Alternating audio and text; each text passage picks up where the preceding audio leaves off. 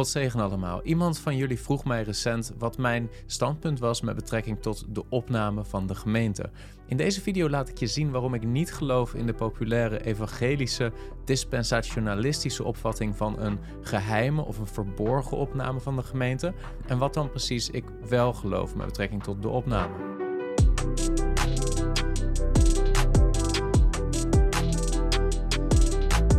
Ben zelf opgegroeid in de evangelische wereld in Nederland en ik kwam in die wereld veel in aanraking met de zogenaamde bedelingenleer. Laatst had ik met uh, Laurens Pruis ook een gesprek waarin de bedelingenleer aan de orde kwam.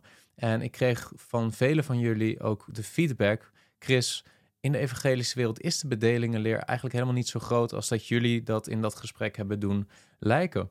Um, dat zou best eens zo kunnen zijn. Dat veel mensen zich daar ook niet heel erg van bewust zijn dat de bedelingenleer veel invloed heeft op de eindtijdverwachting. Maar wanneer ik zeg, is het zo dat in de evangelische wereld veel christenen een verborgen opname van de gemeente verwachten? Hè? Dus een moment in de toekomst waarin opeens de kerk verdwijnt uit de wereld. Dan wordt misschien de invloed van dispensationalisme opeens een stukje herkenbaarder. Want de realiteit is dat veel christenen in de evangelische wereld verwachten dat er een opname gaat komen van de gemeente, waarbij de gemeente opeens weggetrokken zal worden uit de wereld en er een periode zal aanbreken zonder de gemeente in de wereld. En als ik dat zo noem, misschien herken je er dan wat meer van. En veel evangelische christenen verwachten dan ook dat er in de periode daarna een tijd zal aanbreken van grote verdrukking. Eh, een periode van 3,5 jaar of 7 jaar, uh, waarin de antichrist het voor het zeggen heeft in de wereld. Uh, en vervolgens pas een publieke wederkomst van Jezus zal komen met daarna het begin van een duizendjarig vrederijk. Nou, eigenlijk zie je dus dat in de evangelische wereld, zeker uh, evangelische kerken die beïnvloed zijn door de bedelingenleer, dat men gelooft in twee wederkomsten van Jezus Christus. Eentje verborgen, het moment dat de gemeente opgenomen wordt in het geheim, uh, opeens de kerk er niet meer zal zijn. En vervolgens, na een aantal jaar van verdrukking, een tweede publiekelijke wederkomst van Jezus Christus. Dus in de evangelische wereld geloven veel mensen eigenlijk in twee wederkomsten van Jezus Christus die nog in de toekomst liggen.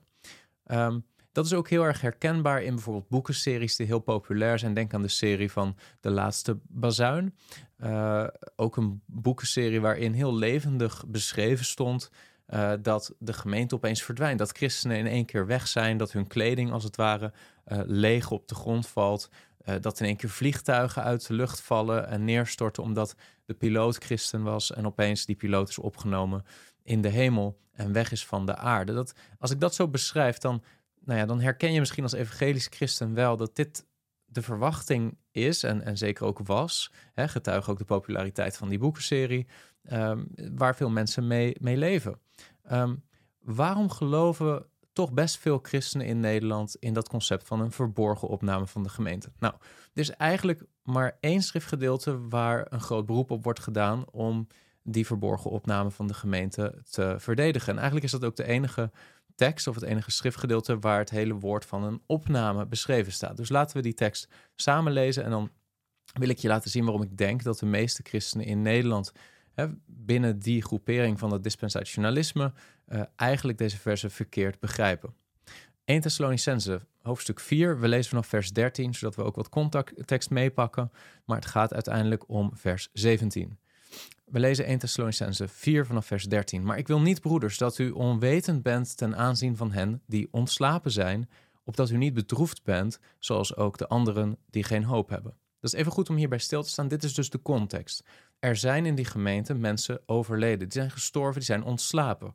Kennelijk veroorzaakte dat verdriet onder de overgebleven christenen, onder de overgebleven gemeenteleden. En hadden zij het idee dat zij hadden de verwachting dat de Heer Jezus zou gaan komen, maar dat hun geliefden, doordat ze al waren gestorven, die belangrijke wederkomst van de Heer Jezus Christus zouden gaan mislopen.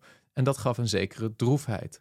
Zij hadden de indruk dat hun overleden broeders en zusters iets belangrijks zouden gaan missen, iets heerlijks zouden gaan missen, namelijk de wederkomst van Jezus Christus. Maar dan gaat Paulus verder, vers 14, want als wij geloven dat Jezus gestorven en opgestaan is, zal ook God op dezelfde wijze hen die in Jezus ontslapen zijn terugbrengen met hem. Want dit zeggen wij u met een woord van de Heere, dat wij die levend zullen overblijven tot de komst van de Heere. En er staat daar in het Grieks tot ten parousian tu curiu, de parousia, de, de komst, de verschijning van de Here.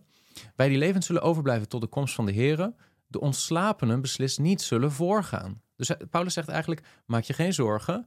Uh, wij die nog leven, en Paulus zegt hiermee niet dat hij zelf in leven zal blijven tot die komst er zal zijn, maar hij stopt zichzelf in de categorie in dit geval van degene die nog leven op het moment van schrijven. Zijn punt is, degenen die nog leven van de christenen op het moment dat Jezus komt, zullen de ontslapenen, de gestorvenen beslist niet voorgaan. Met andere woorden, maak je geen zorgen.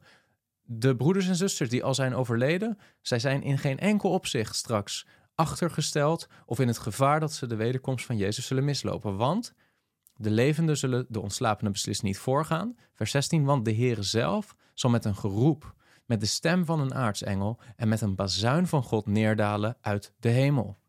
En de doden die in Christus zijn, zullen eerst opstaan. Daarna zullen wij, de levenden die overgebleven zijn, samen met hen opgenomen worden in de wolken. Daar heb je hem opgenomen. En dan staat er in het Grieks harpagezometa, van het Griekse woord harpazo. En dat betekent opnemen of weggrijpen. Wij zullen samen met hen opgenomen worden, weggegrepen worden in de wolken naar een ontmoeting met de Here in de lucht. En zo zullen wij voor altijd bij de Here zijn. Zo dan troost elkaar met deze woorden. Nou, we hebben zojuist 1 Thessalonicense 4 vers 13 tot 18 gelezen. En daar in vers 17 vinden we eigenlijk de enige verwijzing naar dat woord van opname. Wij, de levenden die overgebleven zijn, zullen samen met hen, de gestorvenen, opgenomen worden in de wolken naar een ontmoeting met de Heer in de lucht. En zo zullen we voor altijd bij de Heer zijn. Nou, wat valt nou op in dit schriftgedeelte met betrekking tot de opname van de gemeente? En ik zie hier drie dingen die heel belangrijk zijn. Eén, de opname valt samen met de lichamelijke opstanding van de heiligen. Dat is heel duidelijk hier. De, de opname van de gemeente valt samen hier met de lichamelijke opstanding van de heiligen. De doden, de gestorvenen zullen opstaan. Dat is het hele punt van de context waarin Paulus dit zegt om de Thessalonicensen te troosten dat hun gestorven broeders en zusters op die dag zullen opstaan, lichamelijk. Twee, de opname van de gemeente valt samen met de komst van de Heer uit de hemel. dat, dat wordt hier geschreven. Vers 15, wij die levend zullen overblijven tot de komst van de Heer er zal zijn. De komst van de Heer. En er staat ten parousian tu curiu dus de komst van de Heer valt samen, is dezelfde komst, dezelfde dag als de opname van de gemeente. Derde punt is dat in dit schriftgedeelte geen enkele indicatie te vinden is dat het gaat om iets verborgens, iets van, wat geheimzinnig is, iets wat als het ware niet publiek zou zijn. Sterker nog, er wordt heel duidelijk aangegeven dat dit een publiekelijke wederkomst is van Jezus Christus, maar dat zullen we zo zien. Nou, we beginnen even bij dat eerste punt. Het valt samen, de opname, met de lichamelijke opstanding van de heilige. En ik wil eventjes een ander schriftgedeelte erbij pakken, of een aantal verschillende schriftgedeeltes, zodat we ook schrift met schrift kunnen vergelijken om te begrijpen waar we het eigenlijk hier over hebben. want als we het hebben over de lichamelijke opstanding van de heilige, waarvan Paulus hier aangeeft dat dat samenvalt met de opname van de gemeente, dan zien we in 1 Korinthe hoofdstuk 15 bijvoorbeeld dat dat we daar iets meer informatie over krijgen. In 1 Korinthe 15, vers 23, daar gaat het ook over de opstanding van de heiligen, lichamelijke opstanding van de doden. Dan staat er, ieder echter in zijn eigen orde, gaat over de opstanding. Ieder zal opstaan in zijn eigen orde. Christus als eersteling, daarna wie van Christus zijn bij zijn komst, bij zijn parousia. Vers 24, daarna komt het einde, wanneer hij het koningschap aan God en de Vader heeft overgegeven, wanneer hij alle heerschappij en alle macht en kracht heeft teniet gedaan. Dus bij de komst van Jezus Christus zullen de rechtvaardigen opstaan. Dat zagen we eigenlijk al in 1 Thessalonicense, maar dat zien we hier ook bevestigd worden in 1 Korinthe hoofdstuk 15. Bij de komst van de Heer Jezus zullen de rechtvaardigen opstaan. En we lezen datzelfde ook in Johannes, in het Evangelie, Johannes 6, vers 39. En in het hoofdstuk 6 lezen we wel vaker verwijzingen hier naartoe. Ik zal ze allemaal even langslopen. Maar er staat in vers 39: En dit is de wil van mijn vader. Dit is de wil van de vader die mij gezonden heeft. Dat ik van alles wat hij mij gegeven heeft, zegt de Heer Jezus, niets verloren laat gaan. Maar het doe opstaan. Wanneer? Op de laatste dag. En dit is de wil van hem die mij gezonden heeft. Dat ieder die de zoon ziet en in hem gelooft, eeuwig leven heeft. En ik zal hem doen opstaan op de laatste dag.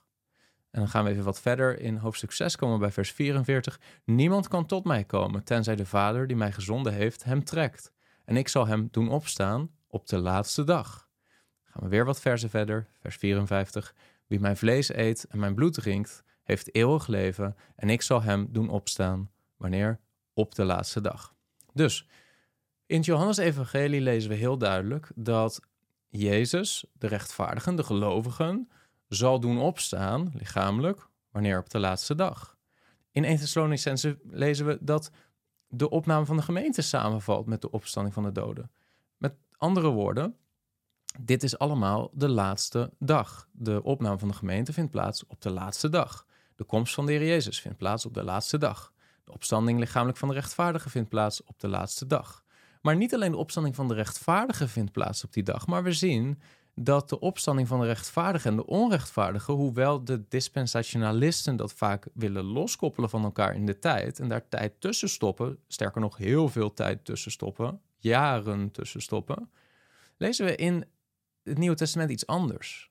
Kijk naar, bijvoorbeeld naar Matthäus 13, vers 30, de beroemde gelijkenis van het onkruid en de tarwe daar lezen we dat de Heer Jezus onderwijst dat het onkruid en de tarwe tot het laatste moment samen zullen zijn in de wereld. er staat vers, vers 30 van Matthäus 13, laat ze allebei samen, dus het onkruid en de tarwe, laat ze allebei samen tot de oogst opgroeien. En in de oogsttijd zal ik tegen de maaiers zeggen, verzamel eerst het onkruid en bind het in bossen om het te verbranden, maar breng de tarwe bijeen in mijn schuur. dus die, die scheiding van het onkruid en de tarwe vindt pas helemaal aan het eind plaats. Dat lezen we ook overigens in andere schriftgedeelten, dat het ook dat weer gaat over die laatste dag, het einde van dat tijdperk. Johannes 5, vers 26. Daar lezen we, want zoals de Vader het leven heeft in zichzelf, zo heeft hij ook de Zoon gegeven het leven te hebben in zichzelf. En hij heeft hem ook macht gegeven om oordeel te vellen, omdat hij de Zoon des mensen is. Verwonder u daar niet over, want de tijd komt, let goed op, de tijd komt waarin allen die in de graven zijn, zijn stem zullen horen. En zij zullen eruit gaan. Zij die het goede gedaan hebben, tot de opstanding ten leven, maar zij die het kwade gedaan hebben, tot de opstanding ter verdoemenis. Hier lezen we over één moment, één tijd. De tijd komt waarin alle die in de graven zijn, hè, dus rechtvaardigen en onrechtvaardigen, allen die in de graven zijn, zullen in die tijd zijn stem horen. Ze zullen eruit gaan. Zij die het goede gedaan hebben, tot de opstanding ten leven. Zij die het kwade gedaan hebben, tot de opstanding ter verdoemenis. Dus we, lezen hier helemaal niet het idee dat er een significante tijdspanne zit tussen de opstandingen van de rechtvaardigen en de opstanding van de onrechtvaardigen.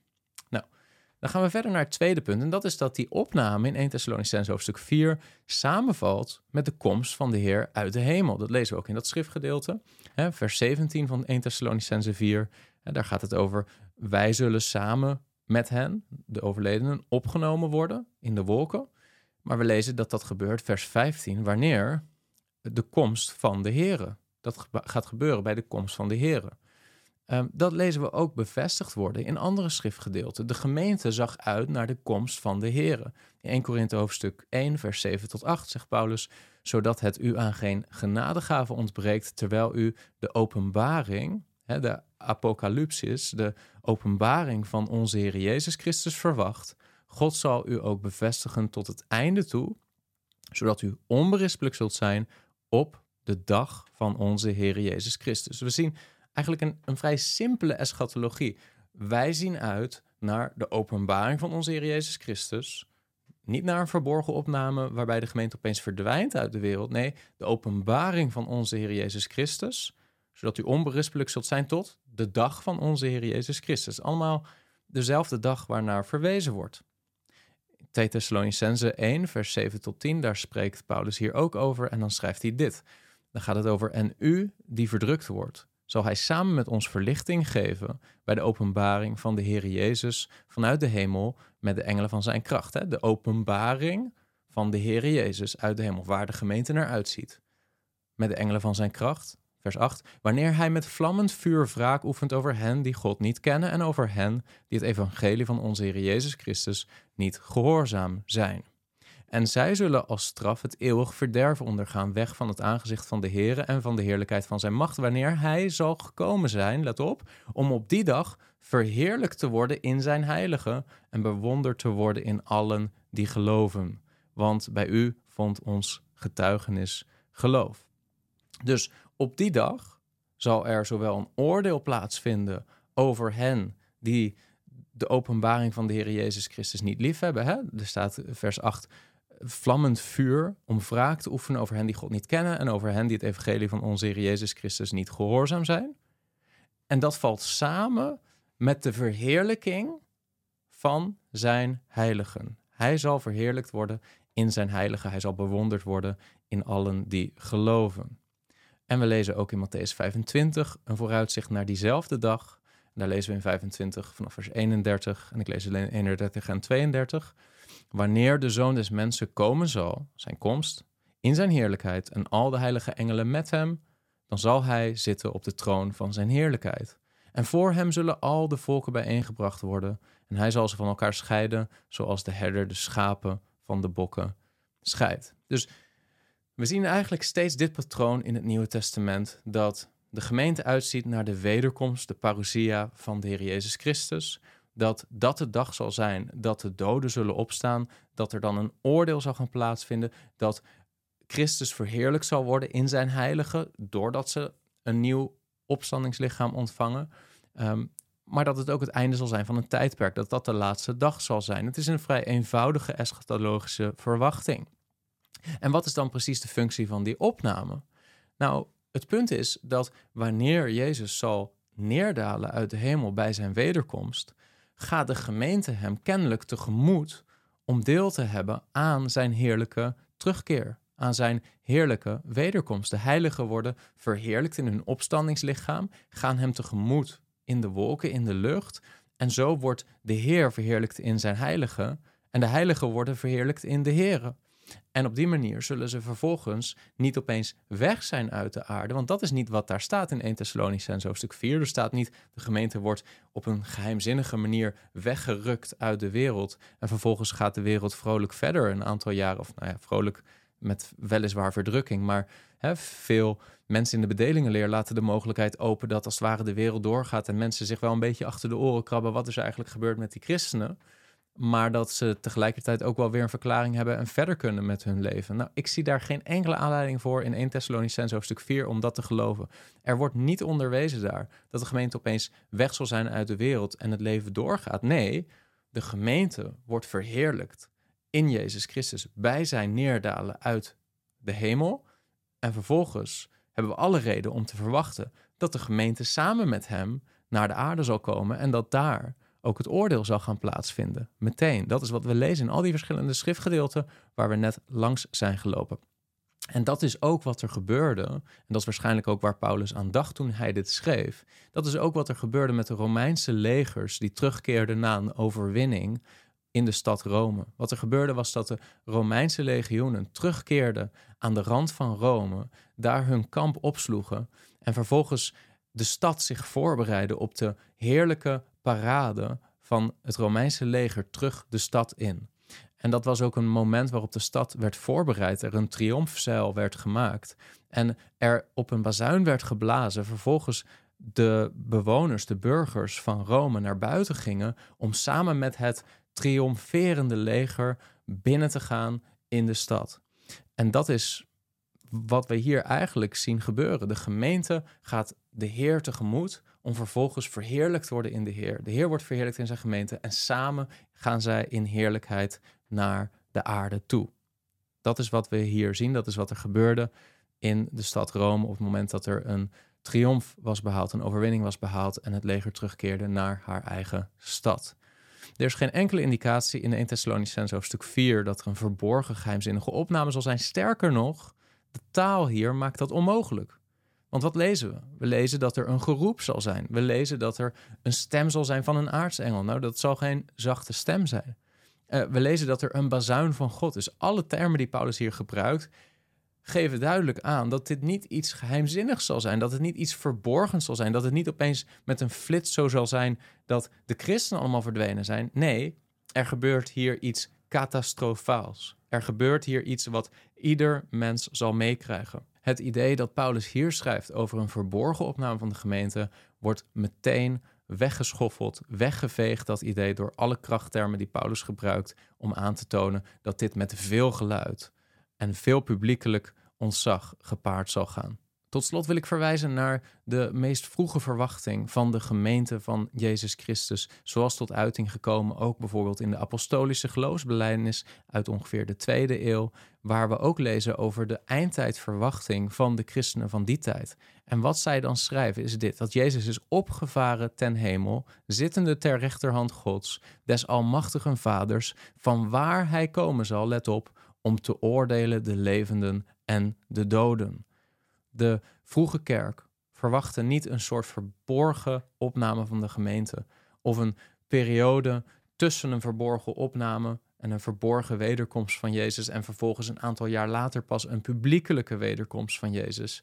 Dat wordt helemaal niet geuit in de meest vroege christelijke geloofsbelijdenissen. Nee, de eerste gemeente verwachtte de publiekelijke wederkomst van Jezus Christus. Hij zal komen om te oordelen de levenden en de doden. Zij geloofden in een wederopstanding van het vlees, van het lichaam en een eeuwig leven, maar niet in al die zaken waar we in de evangelische wereld christenen zo over horen spreken. Niet in een verborgen opname, niet in een plots verdwijnen van alle christenen van de aarde, maar een eenvoudige wederkomst van Jezus Christus in kracht, waarbij zijn gemeente verheerlijk zal worden en een dag des oordeels meteen zal aanbreken. Ik hoop dat je iets hebt gehad aan deze video. Ik hoop dat het een beetje helderheid geeft. Ik denk dat we de eschatologische uh, patronen van het Nieuwe Testament soms te ingewikkeld maken. En ik denk dat we simpelweg mogen uitzien naar de wederkomst van onze Heer Jezus Christus. En ik wil je bemoedigen om tot die dag trouw bezig te zijn om Hem te dienen. Of het nu is in je dagelijks leven, je beroep, je gezin, je huwelijk, je lokale gemeente. Of het nu is in evangelisatiewerk of gewoon je normale beroep. Ik wil je bemoedigen, dien de Heer Jezus trouw in wat je ook doet, zodat je klaar zult zijn voor zijn komst. God zegen.